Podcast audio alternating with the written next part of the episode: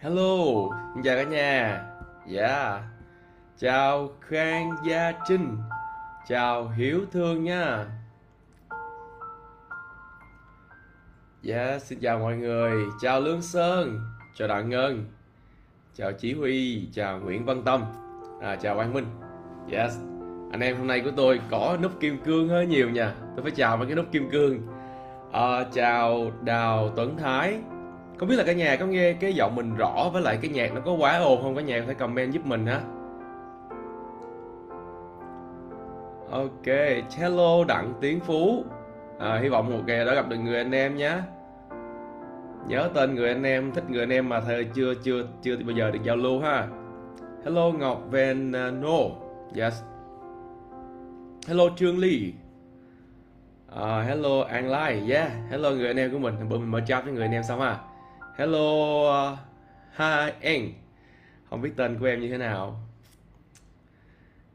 Ok hello kiều cương. Yes. Bay này lập ra chỉ để xem anh duy livestream. Anh thật sự muốn biết em là ai luôn á. Ở trên youtube cũng là em mà trên facebook cũng là em á mới có dạy hả anh duy? Ờ, à, dạy hơi trẻ thôi dạy được một tiếng rồi. Nay uh, tranh thủ không có con tối qua hai vợ chồng à, tâm sự tỉ tê đồ. Cho nên uh, uh, ngủ nướng một tí. Dạ yeah. twin peril phải có những ngày mình lazy, lazy vậy cả nhà. Như lại thứ hai là tối qua mình gáy á.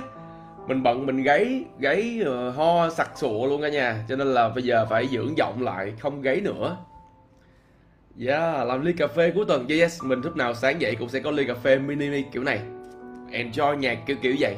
Lúc nào cũng vậy.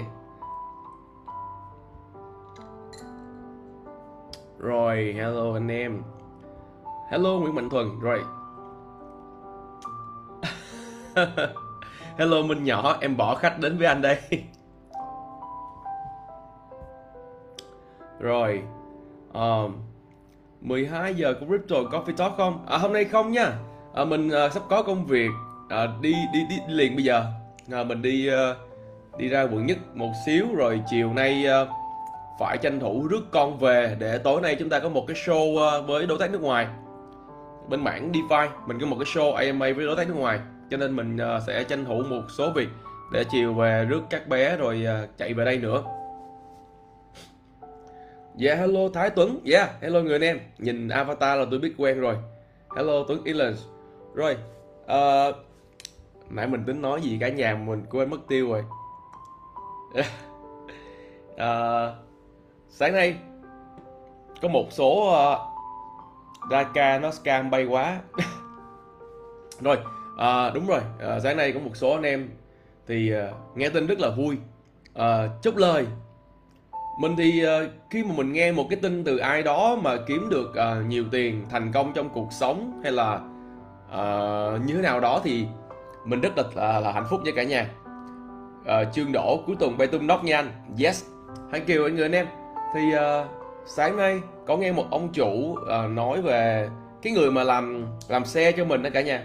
Cái người mà làm chiếc xe cho mình đó tút tát chăm sóc em bé của mình đại lâm mộc của mình đó uh, ờ, ngọc lục bảo thì uh, uh, chúc lời hơn 10 tỷ và đi mua một cái dự án tầm khoảng 10 tỷ ba.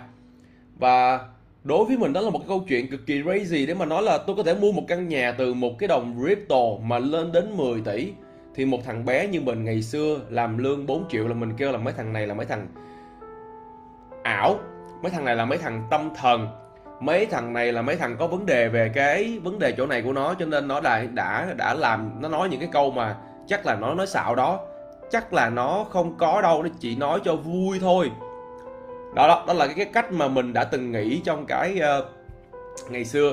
Nhưng khi uh, làm đến tận đây thì uh, thật sự là rất khác khác bọt và cái câu chuyện đó và mình được nghe mỗi ngày mỗi ngày mỗi ngày luôn cả nhà. Đúng rồi nó lùa gà đó. Ừ chẳng hạn như vậy. Và à, còn những cái thứ mà nó nó điên hơn nữa thì cả nhà mà mình nhiều khi là à, bây giờ cả nhà thử tưởng tượng nhé. Một cái tài khoản rất là bình thường và sau một cái mùa bây giờ một phần trăm của cái tài khoản đó là nó đã vượt xa cái ngưỡng con số triệu đô rồi nó không phải là triệu Việt đồng nữa hay là tỷ nữa. Thí dụ như một phần trăm là một tỷ thì ok full portfolio một trăm phần trăm là 100 tỷ Việt Nam. Thì uh, cũng đâu đó sắp xỉ hoàn toàn uh, không nhiều lắm nhưng một phần trăm của cái portfolio đó bây giờ nó lên đến hơn một triệu đô một tỷ sắp xỉ. Và rất là kinh khủng như vậy. Thì uh, nhờ crypto hoàn toàn và cực kỳ crazy luôn ở nhà khi mà ngồi nghe được những câu chuyện và thấy được những cái điều đó thì mình ôi nhìn rất là là là là, là sướng luôn. Rồi. À, uh, yeah. Rồi uh, và một cái nữa nè. Một cái chiến chiến lược rất là hay của một cái người anh em mà sáng nói chuyện với nhau thì mình cũng muốn chia sẻ là thứ nhất bây giờ nhá uh, người ta cash ra 10 10 tỏi 10 tỷ ha để mua nhà. Nhưng mà bây giờ cái nhà đặt cọc chỉ có 2 tỷ thôi. Rồi còn 8 tỷ còn lại 8 tỷ còn lại sẽ được làm gì cả nhà? Các nhà biết làm gì để chúng ta có thể tối ưu nhất cái phần 8 tỷ còn lại cho đến năm 2023 và 2024 chúng ta nhận nhà chưa? 8 tỷ. Theo cái nhà thì sẽ làm gì với phần dư còn lại 8 tỷ? Lê Hứa Song Toàn. Em trúng wireless element tự nhiên rất đầu 180 triệu. Ok.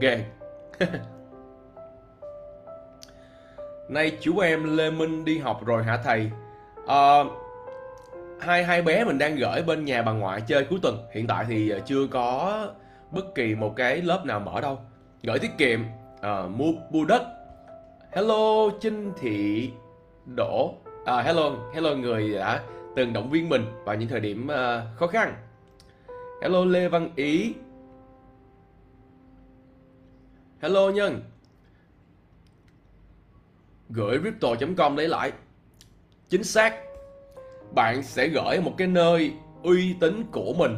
À, Và bạn thấy là chúng ta có hoàn toàn có thể lấy lại. Và nếu như chúng ta là một cái cái cá nhân mình hồi nãy Hello anh Cường Kubari Người à, bán rau sạch và người rất tâm huyết với lại những cái à, à, Việt Nam chúng ta trong suốt cái mùa dịch. Và anh là cái người mà đi à, uh, gửi uh, à, rất là nhiều phần quà cho các anh em trong suốt mùa dịch thì uh, rất là respect anh về chuyện đó. Rồi à, mình xin quay lại chủ đề của mình. Nếu như cá nhân của mình không biết crypto thì mình sẽ không đi mua đất. Bạn nào hồi nãy kêu đi mua đất là sai nhé chúng ta không được dùng cái số tiền đã cash ra rồi xác định tiền này là của tiền nhà. Chúng ta không được dùng nó để đụng chạm vô phần đất nữa. Chúng ta chỉ có hai giải pháp thôi. Một là bạn sẽ gửi tích tích lũy tiết kiệm ở ngân hàng Việt Nam. Hai là nếu như bạn tự tin với những gì bạn biết ở trên blockchain này thì bạn hãy gửi tiết kiệm nó dưới một cái hình thức là stable coin và bởi vì sao mình lại nói như vậy? Cá nhân mình sẽ vẫn để nằm ở tiền ở stablecoin và USDC chẳng hạn để gửi vào cái nền tảng như là crypto.com ha và ở đó anh em đã biết rồi nó có một cái ưu điểm và cũng chính là cái nhược điểm. Và đôi khi cái nhược điểm lại trở thành cái ưu điểm là như thế này. À, chúng ta thường xuyên à, đưa tiền vào và mong rút ra đầu tư đúng không? Và cái thằng crypto.com khi mà bạn đưa tiền vào nó lóc luôn đúng khoảng thời gian đó và không cho lấy ra. Đây là một cái lợi thế và một cái yếu điểm đối với người khác nhưng đối với mình đó là cái ưu điểm để mình không đụng chạm vô số tiền nữa. Giữ cứng ở trong đó giùm mình luôn và số tiền đó là chắc chắn để mua nhà mà không đụng chạm vô nữa. Rồi để vào trong đó rồi và anh em biết cái lãi suất của thằng crypto.com nó cao hơn lãi suất của ngân hàng đúng không? Đấy. Rồi Thế là à, trong lúc anh em chờ đến năm 2023 và 2024 để bàn giao lấy nhà thì à, để mình xem hiện tại giá của lãi suất của crypto.com là bao nhiêu nhỉ? Để mình nói cho nó dễ hơn.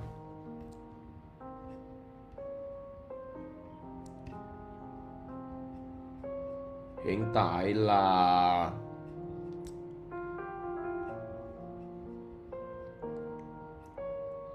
Wow 14% anh em 14% ha Xịn sò 14% cho một năm.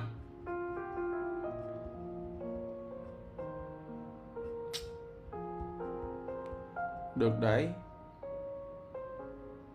Rồi ờ, à,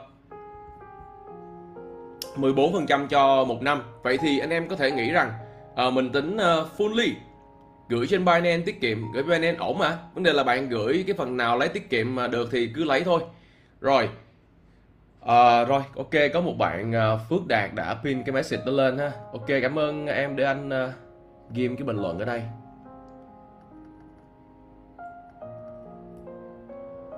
Yeah.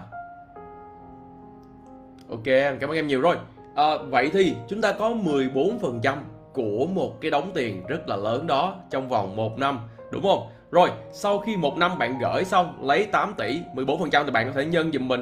Thôi mình tính chẳng là 10 tỷ đi 14% thì bạn đâu đó bạn có được khoảng tầm 1 tỷ tư ha 1 tỷ tư phít cứng luôn. Rồi vậy thì 1 tỷ tư này bạn làm gì ở đâu ra mà có trong vấn đề kinh doanh truyền thống? Rồi, nó hoàn toàn có thể cover toàn bộ chi phí của bạn trong suốt cả cái năm đó mà rút ra là chỉ cần đưa vào trong kia đóng thêm tiền để mà tiếp tục dự án chạy tiếp cái learning bắt 2 chúng ta lại cầm cục tiền đó đẩy vào trong tiếp crypto.com để mà tiếp tục gửi đầu tư đó. Thêm một năm nữa, chờ năm 2024 bàn giao nhà. Vậy, tự nhiên chúng ta lại có thêm một cái nguồn tiền, vài tỷ nhỏ nhỏ nữa, vài tỷ nhỏ nhỏ từ cái nguồn vốn đó để mà được đẩy ra ngoài. Chúng ta xử lý thêm một số công chuyện.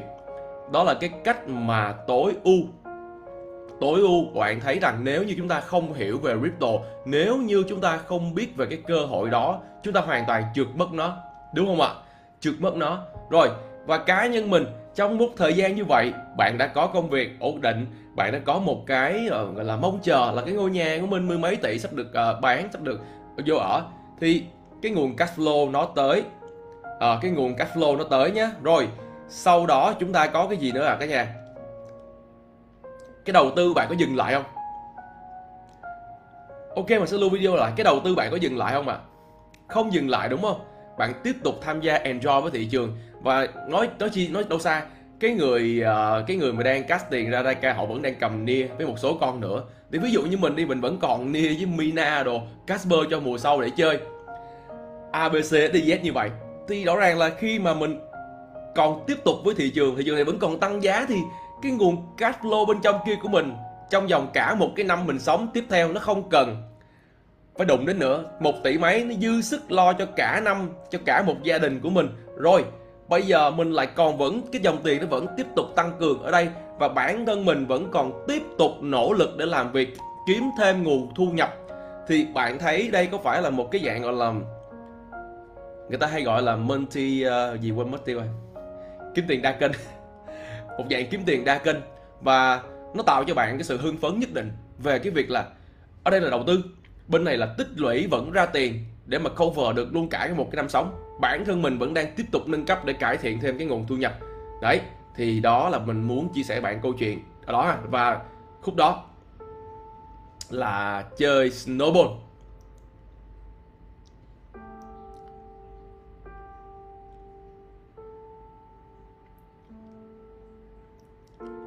Passive income multi make money haha yeah yeah yeah.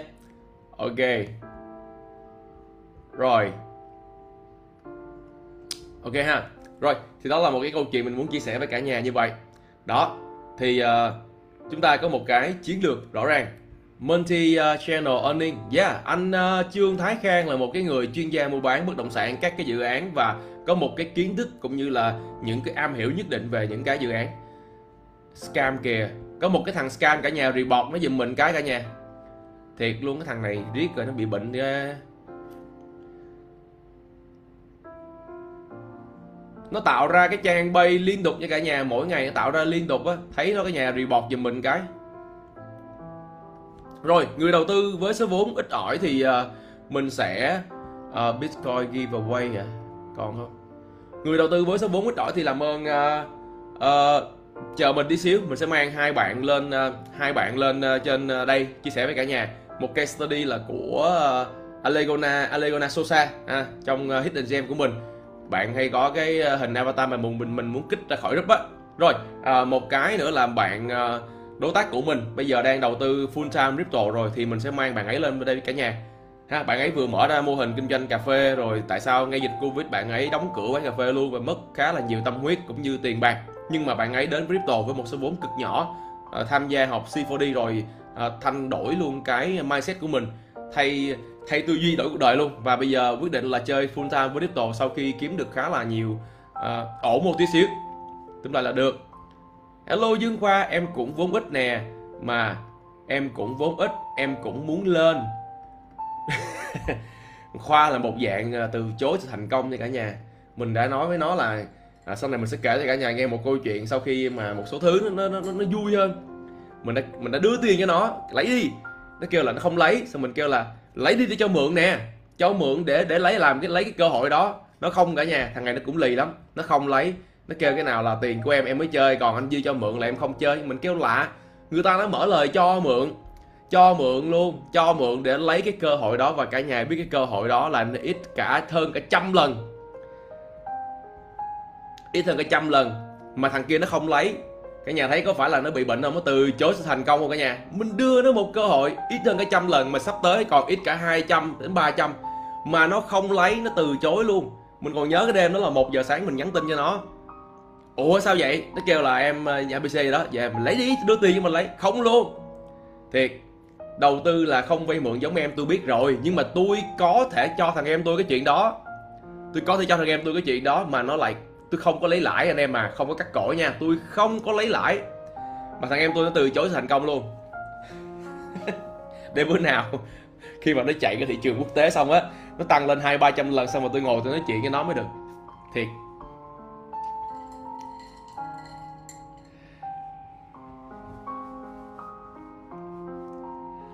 Yes. Nhà Khoa giàu quá rồi nên đầu tư vì đam mê thôi chứ tiền bạc gì ở đây. Ok Khoa. Ok Khoa, ok Khoa. Nhà Khoa giàu quá rồi, đầu tư vì đam mê chứ tiền bạc gì ở đây. Chủ yếu là giúp mọi người vui là được chứ Khoa không cần vui. à không chứ Khoa vui sẵn rồi. Yes. Rồi. Thiệt sự Khoa sợ giàu, đúng rồi, Khoa sợ giàu lắm. Em vốn 5k làm gốc theo dõi anh mong tìm kiếm được tốt. Rồi à, gốc 5k chịu khó giúp mình đẩy những cái vấn đề liên quan đến IDO whitelist và các cái gì đó mà giúp gia tăng cái nguồn vốn của mình.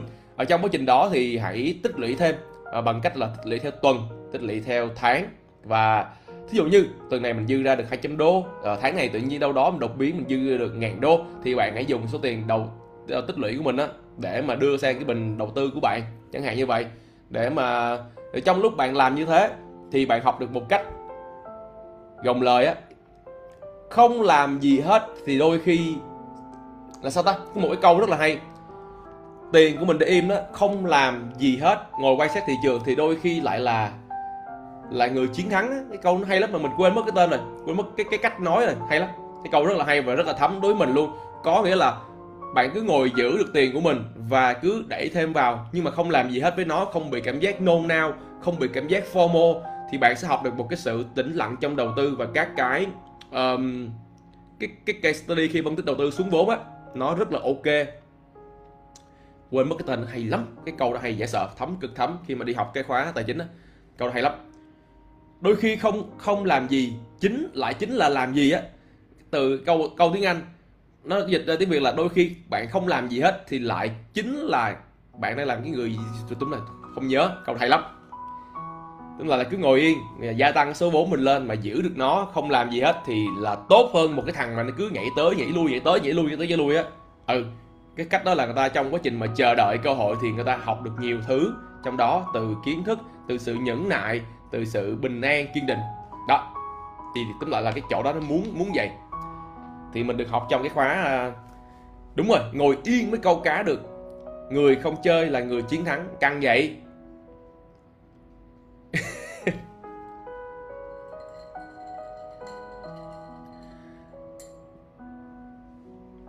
thị trường luôn tạo ra cơ hội và cầm tiền thì phải vào thôi, đúng không?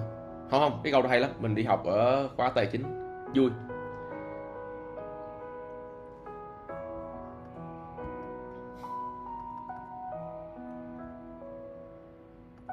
Yeah. Hello, Bùi Văn Sơn. Yeah em từ 5 celo lên được 200 celo. Yeah hay ha. 5 celo lên được 200 celo không quan tâm về giá chúng ta quan tâm về số lượng chúng ta có. Còn giá cả thì mình nghĩ là theo thời gian thì tất cả những đồng tiền tiềm năng đặc biệt là những con hàng mà coi nền tảng nó sẽ ít nhiều gì đó nó gia tăng theo số lượng thôi. Vấn đề là tự nhiên chúng ta sẽ có một cái sự đột biến ở một số cái con hàng nào đó. Chẳng hạn như là uh, bạn thấy Harmony câu chuyện của Harmony thì bạn có thể nhìn mà giống sang câu chuyện bên Casper. Chẳng hạn như bạn thấy mấy con mà uh, Ờ, này nọ đồ mấy con nền tảng á nó sẽ gia tăng trong thời gian. Uh, sau 6 tháng sau một năm thì mình chưa thấy con nào mà nó tụt giá một cái. Ha? Và nếu như bạn hòa vốn và có lời thì bạn đã chiến thắng được khá là nhiều thị trường này rồi. Còn sự đột biến thì chúng ta phải chờ vào sự ờ, những cái sự tiếp theo của tụi nó phải làm như thế nào. Rồi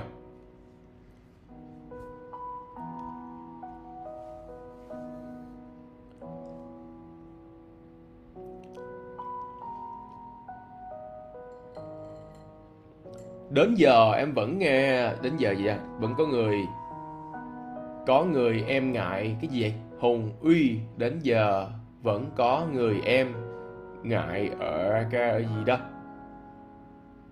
Mina giống avas yes. Mina giống avas rất giống rất giống rất giống. Chỉ khác nhau là cái cách làm sản phẩm của tụi nó khác nhau thôi. Về câu chuyện là khá giống, tương đồng đến 80 phần trăm cho nên là câu chuyện mà hoàn toàn Mina trong một khoảng vài năm nữa một năm mấy nữa thì chạm cái ngưỡng 40 đô 50 đô là chuyện đối với mình là bình thường. Và đó là mục đích của mình để mà giữ ờ, Mina. Đến tận giờ này mà cũng không có nhu cầu bán lắm.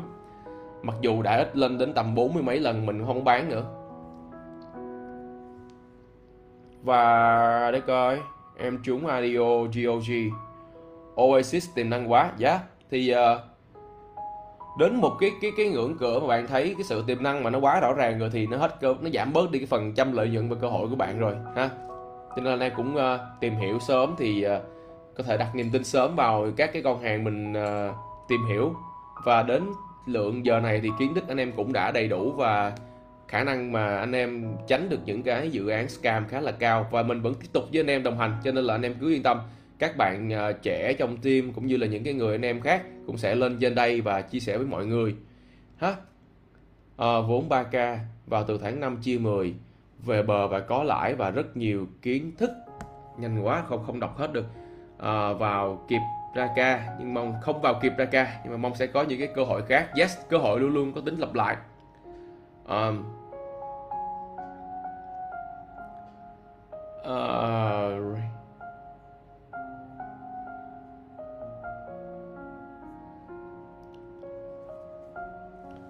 Ờ, ở nay hôm nay không có uh, coffee uh, talk nhé. Mình uh, tí xíu mình đi ra quận nhất mình làm một số công việc của mình gặp gỡ một số uh, người kia rồi mình uh, chiều mình đi rước con sớm rồi. 3 giờ mình phải dòng về bên kia rước con về. Tối nay mình có một talk show với uh, đối tác ở nước ngoài. Tối nay các bạn mình sẽ nói với đối tác nước ngoài là ai ta? Quên luôn rồi. Tính là, là tối nay có talk show. được bên phòng marketing báo. Hello Liên Paris. Yeah. Uh, Đây là một cái người mà rất là nhiệt tình ở ngoài Hà Nội và có một cái tư duy business cực kỳ cao. Và hôm bữa Liên thì cũng đã được uh, ngồi với mình với anh Minh. Vào một buổi sáng khi mà tụi mình đang ở cái uh, khách sạn ngoài Hà Nội thì uh, Liên có tới và chia sẻ một số vấn đề khá hay. Uh, mình tin chắc là Liên sẽ là một người thành công tiếp theo trong cái thị trường này thôi bởi vì cái ờ, cái cái việc về tư duy business và cái về mọi thứ sự hành động action nó nó quá cao rồi. Chẳng qua chỉ là cơ hội và thời gian. Thì uh, mình hy vọng rằng uh, sẽ sớm để đạt được những cái điều đó thôi. Không có gì cả. Và rồi cả nhà cũng đừng quá uh, bị gọi là sao ta? Bị gross là muốn thúc đẩy nhanh cái quá trình mà gia tăng tài sản ở đây.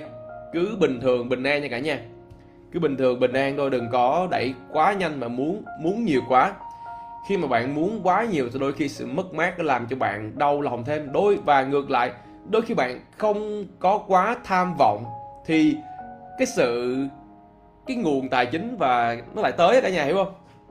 Mình mình mong cầu quá thì sự thất vọng nó lại rất là lớn và kết quả lại không rõ nét. Nhưng chúng ta cứ làm đều đều nhẹ nhàng vui vẻ ờ, uh, trang hòa cái kiểu như là nó cứ vui vẻ funny á.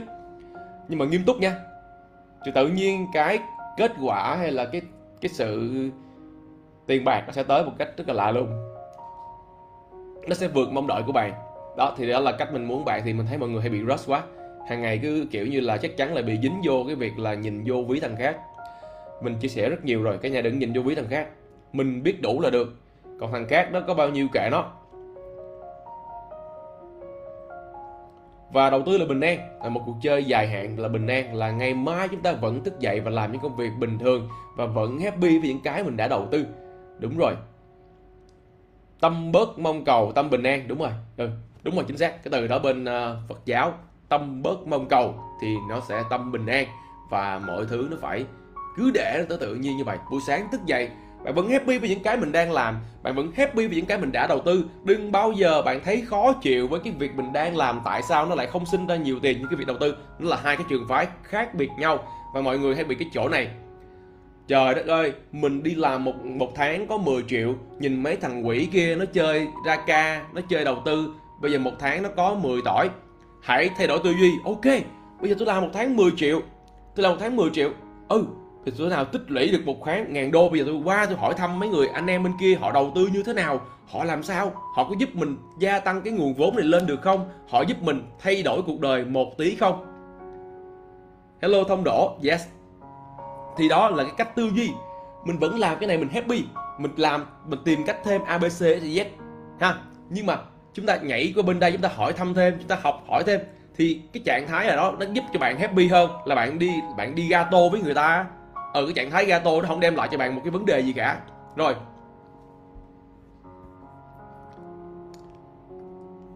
Yeah.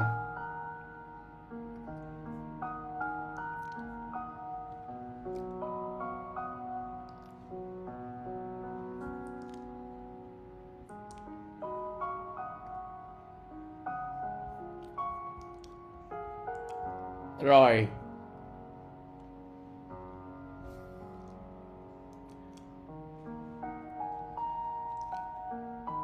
Hello Khoa Chu, yes yes yes.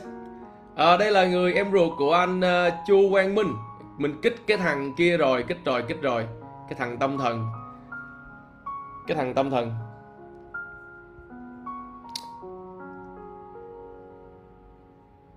Em mới chơi thì mình nên đầu tư câu nào và hôn dài hạn không? Em mới chơi thì em nên đầu tư cho chính bản thân của em, à, đầu tư về kiến thức, về tư duy và thứ hai là em nên học mọi thứ có thể quản lý tốt về ví ha? Lên trên kênh lên trên telegram chat follow mọi người đọc cùng mọi người. À, cố gắng chia sẻ nhiều hơn những cái em biết khi mà người ta gặp vấn đề. Người ta hỏi á, thì em trả lời cái câu hỏi đó mà em đã từng được biết. Thì em cứ làm như vậy đi em giỏi lên là tự nhiên một ngày em biết em làm gì à. Ha đừng có vội xuống tiền. Giữ tiền mới khó nha.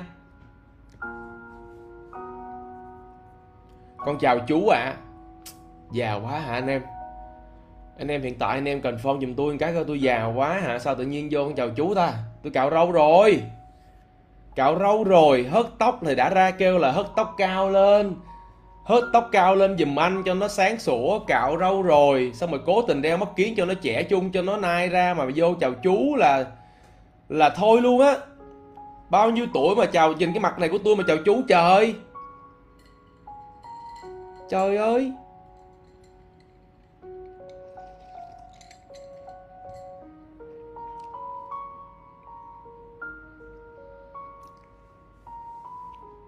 Cháu mới 12 tuổi à. Hôm nay nhìn già thật. Thiệt. Hôm qua gáy quá sáng nay nó già cả nhà Để tối nay em bớt gáy lại. À, Trưa nay không có cà phê talk nha. Mình đi công việc cho nên là không có chương trình cà phê talk. Ok hai ngàn à, chào chú. Dạ yeah, 2.000 hả? Được. Rồi.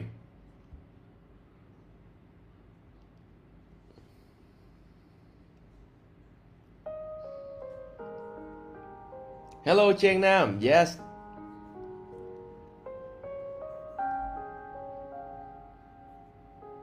Rồi, à, và và và nhớ nha, à, đến một cái ngưỡng bạn thấy cho dù à, đúng là case study thôi, đến một cái ngưỡng mà chúng ta cần chốt tiền để làm một cái gì đó thì chúng ta chốt thôi, đừng có chờ đợi và kỳ vọng quá và cái việc chúng ta muốn lời nhiều hơn tham lam nhé.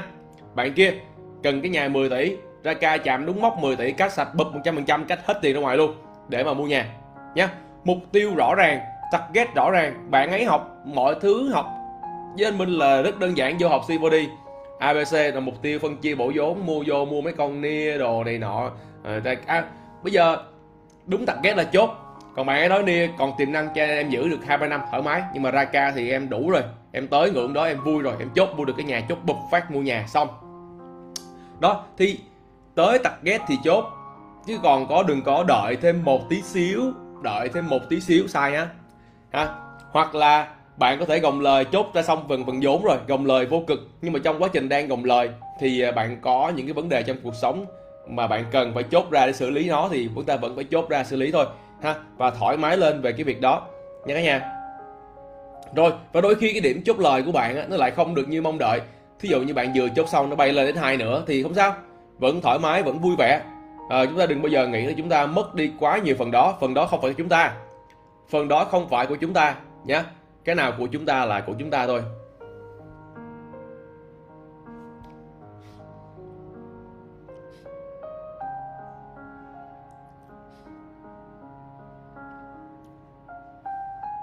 Chốt xong mua nhà rồi tiền đâu mình chốt tiếp. À trong portfolio người ta có nhiều có khoảng có phải kênh đầu tư nữa mà cả nhà rồi thứ hai là bạn ấy vẫn kinh doanh truyền thống vẫn làm mà vẫn còn làm việc hàng ngày.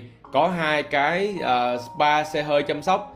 Mỗi tháng mỗi ngày đều tạo ra nguồn tiền mà. Ai cũng có cái nguồn tiền của mình riêng đúng không? Thì nước tiền nó vẫn cứ tạo ra tạo ra. Và chúng ta tối ưu chờ đợi tích lũy rồi đúng kia. Sao cái gì vậy ta? Hôm nay có mấy cái thằng bệnh tâm thần ở đâu ra vậy?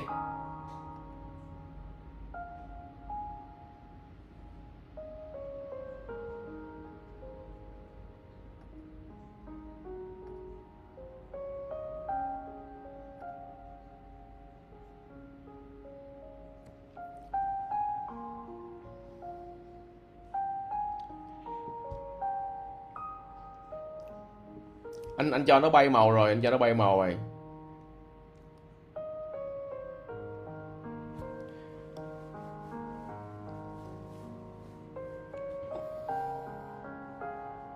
Ờ, mọi người hỏi bây giờ thị trường đang xanh như thế này mà mọi người đòi vào ờ, uh, Bukadot đúng không? Đòi vào Atom hả? Thì uh, lời khuyên cá nhân thì bản thân mình với portfolio của mình là mình không vào nữa nhé mình không không dám uh, nói tại bởi vì sao mình không vào? Bản chất giá vẫn, giá cả vẫn ta thể tăng trong tương lai. Ok 100 đô là cái ngưỡng mà Bukadot có thể chạm tới hoàn toàn. Nhưng tại sao mình không đầu tư? Bởi vì mình biết thị trường không bao giờ xanh mãi và không có cái gì nó đỏ mãi cả. Cho nên mình hoàn toàn có thể chờ đợi được những cái nguồn mà cái điểm giá vào tốt hơn. Hai cả nha, điểm giá vào tốt hơn. Cái thứ hai là một số con mình dịch chuyển portfolio sang những cái ờ, đợt bên ờ, thay vì mua Bukadot thì đã đập sang ờ, Mina từ khi mà thị trường nó đỏ hết thì chúng ta lật sang một cái bài toán gọi là tỷ suất lợi nhuận. Bây giờ cùng là một số tiền một con yêu thích và một con tiềm năng. Khả năng tăng giá thì ờ, đôi khi chúng ta phải chọn uh, sự tiềm năng tăng giá. Rồi còn ví dụ như bạn muốn tích lũy sự bình an đến mùa này thì Bukadot đã quá là được nhiều cả thế giới biết. Cho nên là mình nghĩ là nó sẽ không giảm khá sâu đâu. Để mà về được cái vùng giá mà 10,85 đô như ngày xưa thì chắc là rất là khó và thị trường phải ở một cái mức độ mà sập phải kinh khủng lắm thì à, bạn mới thấy được à, uh, Bukadot ở giá đó nữa. Cá nhân thì nó sẽ dòng về cỡ tầm 20 đến 20 mấy là hết đắt. Thì uh,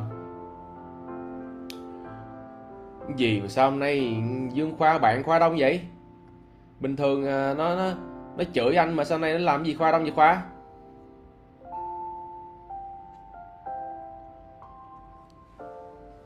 Hello Windy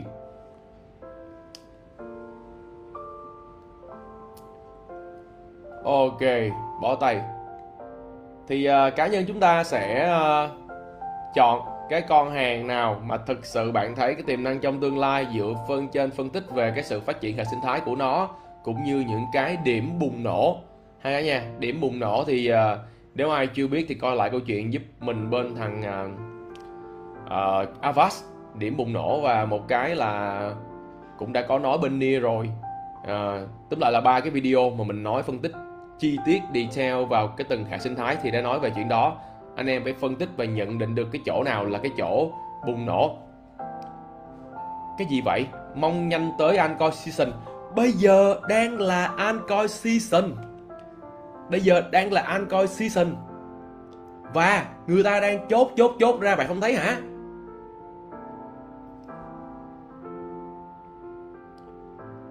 Bạn không thấy hả? Bạn không thấy người ta chốt ra để người ta làm tùm lum tà la cả nhà? Cho nên là người mới vào sau. Đây không phải là mùa của bạn. Đây là cái mùa mà người ta gặt lúa rồi. Vô tới cái mùa mà người ta gặt rồi anh em ngồi chịu khó xem người ta gặt để mà hấp thụ cái cái cái cái viễn cảnh đó cái view đó ha? Cái gọi là overview. Ô oh, vào đây nè. Người ta đầu tư bài học là người ta đầu tư từ hôm bữa thị trường nó sập đến tận bây giờ. Hay là 10 tháng trước đến 11 tháng trước. Bây giờ người ta ô oh, đang gặt lúa con một số con trong cái mùa altcoin season này nó tăng đột biến và người ta vô tình vào được một số kèo đó. Nhưng bạn nghe người ta ít 10 nhưng mà nhiều khi người ta bỏ cái 500 đô thôi. Người ta bỏ cái 500 đô để ít 10 tại vì người ta mua cái sự rủi ro cũng như là mua cái biên độ lợi nhuận không có nhiều chẳng hạn như vậy. Còn mỗi người cứ một cái portfolio khác nhau. Một cái thằng nó có một triệu đô, nó mua 10.000 đô không thấm với nó. Nhưng mà bạn all in 10.000 đô của mình vào trong một con bạn gãy luôn. Bạn hiểu không? Người ta có khả năng chịu lỗ, có khả năng gồng lời nó khác. Chúng ta bình tĩnh nha.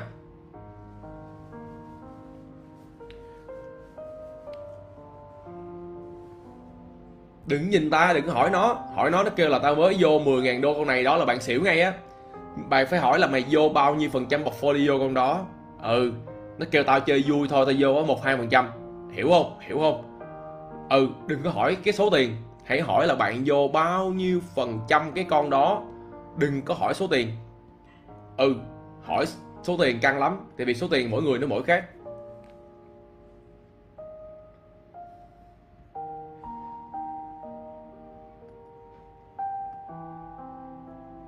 Ồ, nay bạn khoa đông dữ quá. Gãy anh ơi hả? 001 Đâu để mình đi lên kiểm tra.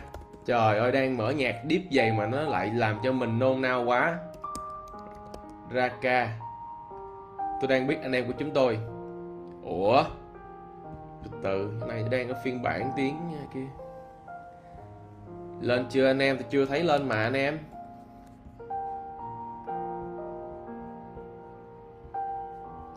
The market.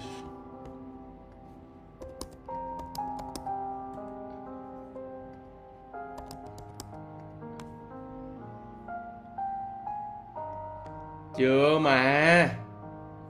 Mới 98 mà Cái gì đâu mà nôn nao 98, 97 thôi.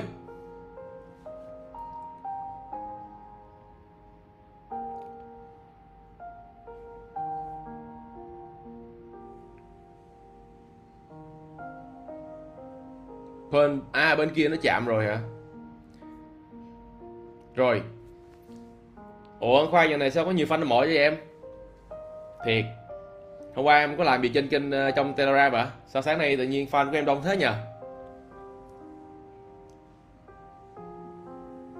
rồi.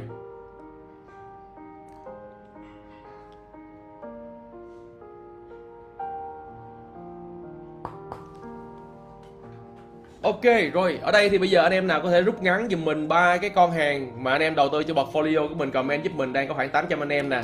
Thí dụ như mình đang cầm mấy con hàng cứng đi uh, Mina. Nia. Ờ, uh, Celo mình ít lắm. Con nhiều chắc là khoảng ờ, uh, Cespera đây là ba con nền tảng mà mình cầm nhiều nha. Ngoài ra là còn những em uh, low cap khác.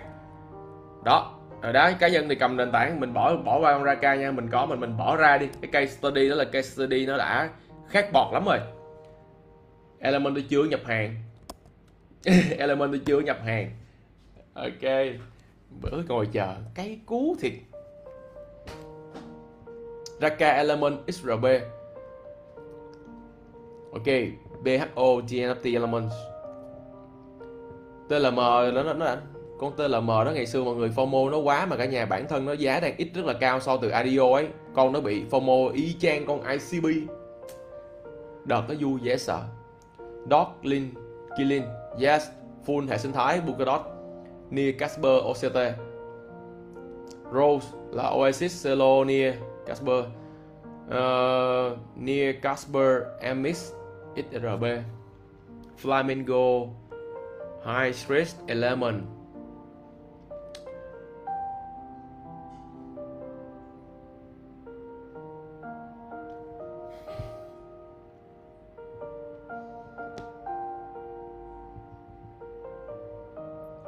Onin coi 98 Yes. Rất mạnh mẽ. Đôi khi ờ, một một một kèo như vậy và cứ ờ, uh, hold buy more and hold là một cái câu mà khá hay. Giữ mua thêm và tiếp tục giữ. Hold buy more and hold là cứ mua tiếp tục giữ và mua ha. Và một trong những cái ờ, chiến lược đó rất nhiều người đã xài cho ADA. Cứ mua xong rồi tiếp tục giữ rồi mua tiếp mua tiếp mua tiếp. Nia với lại IMX ghê yeah mỗi một người một phong cách ha.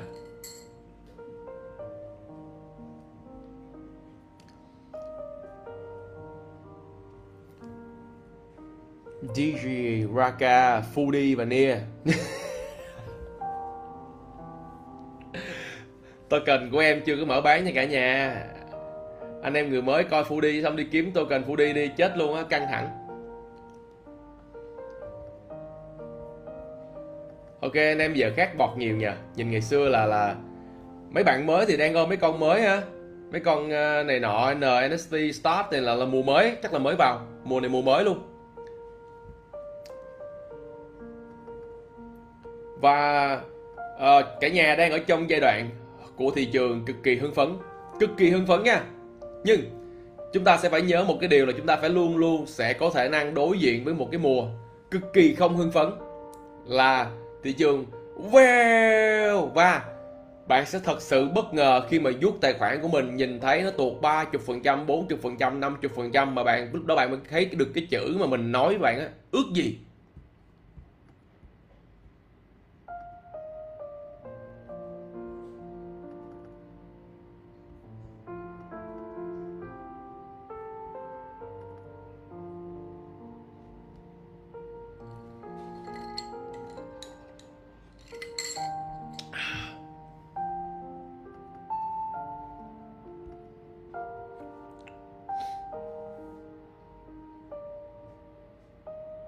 Cảm giác của 19 tháng 5 Yes. Cảm giác của ngày 19 tháng 5 là rất là buồn bã nha. Khi mà chưa cát được tiền ra, Cái kiểu là tham vọng. Muốn muốn muốn muốn muốn.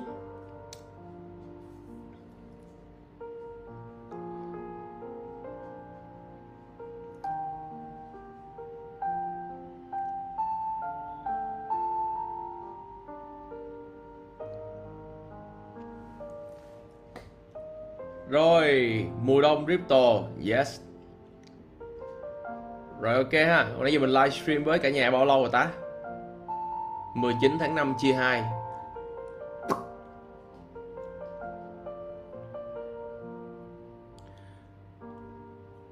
Ok, thôi thì mình chắc mình xin phép được đi công chuyện với cả nhà. Thì cảm ơn cả nhà rất là nhiều. Thì uh, tối nay mình có một cái bữa AMA với đối tác nước ngoài. Nếu mà anh em rảnh thì anh em có thể lên uh, à, nghe để mà học thêm một số điều hay ho hay là coi được thêm có cái gì vui không? Bản chất thì những buổi EMA vậy thì là buổi mà chúng ta cập nhật kiến thức từ các dự án ha? Thì tối nay có Rosie ha? Đó và mình thì với một số anh nước ngoài. Thì uh, ok cái nhà được thì sẽ lên trên kênh để mà chúng ta coi theo dõi nhé hãy kêu cả nhà tiếp đừng nghĩ anh ơi hả? Kỳ vọng ni của anh bao nhiêu hả? Anh hỏi lại là em là em gồng được ni bao nhiêu lâu?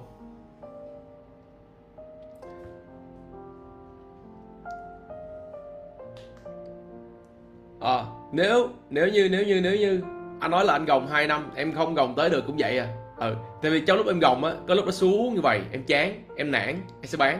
Cái lúc tăng lên vậy em vui thì bỏ qua được cái trạng thái đó nát được cái bước đó thì em sẽ làm cái chuyện nó dễ hơn ha.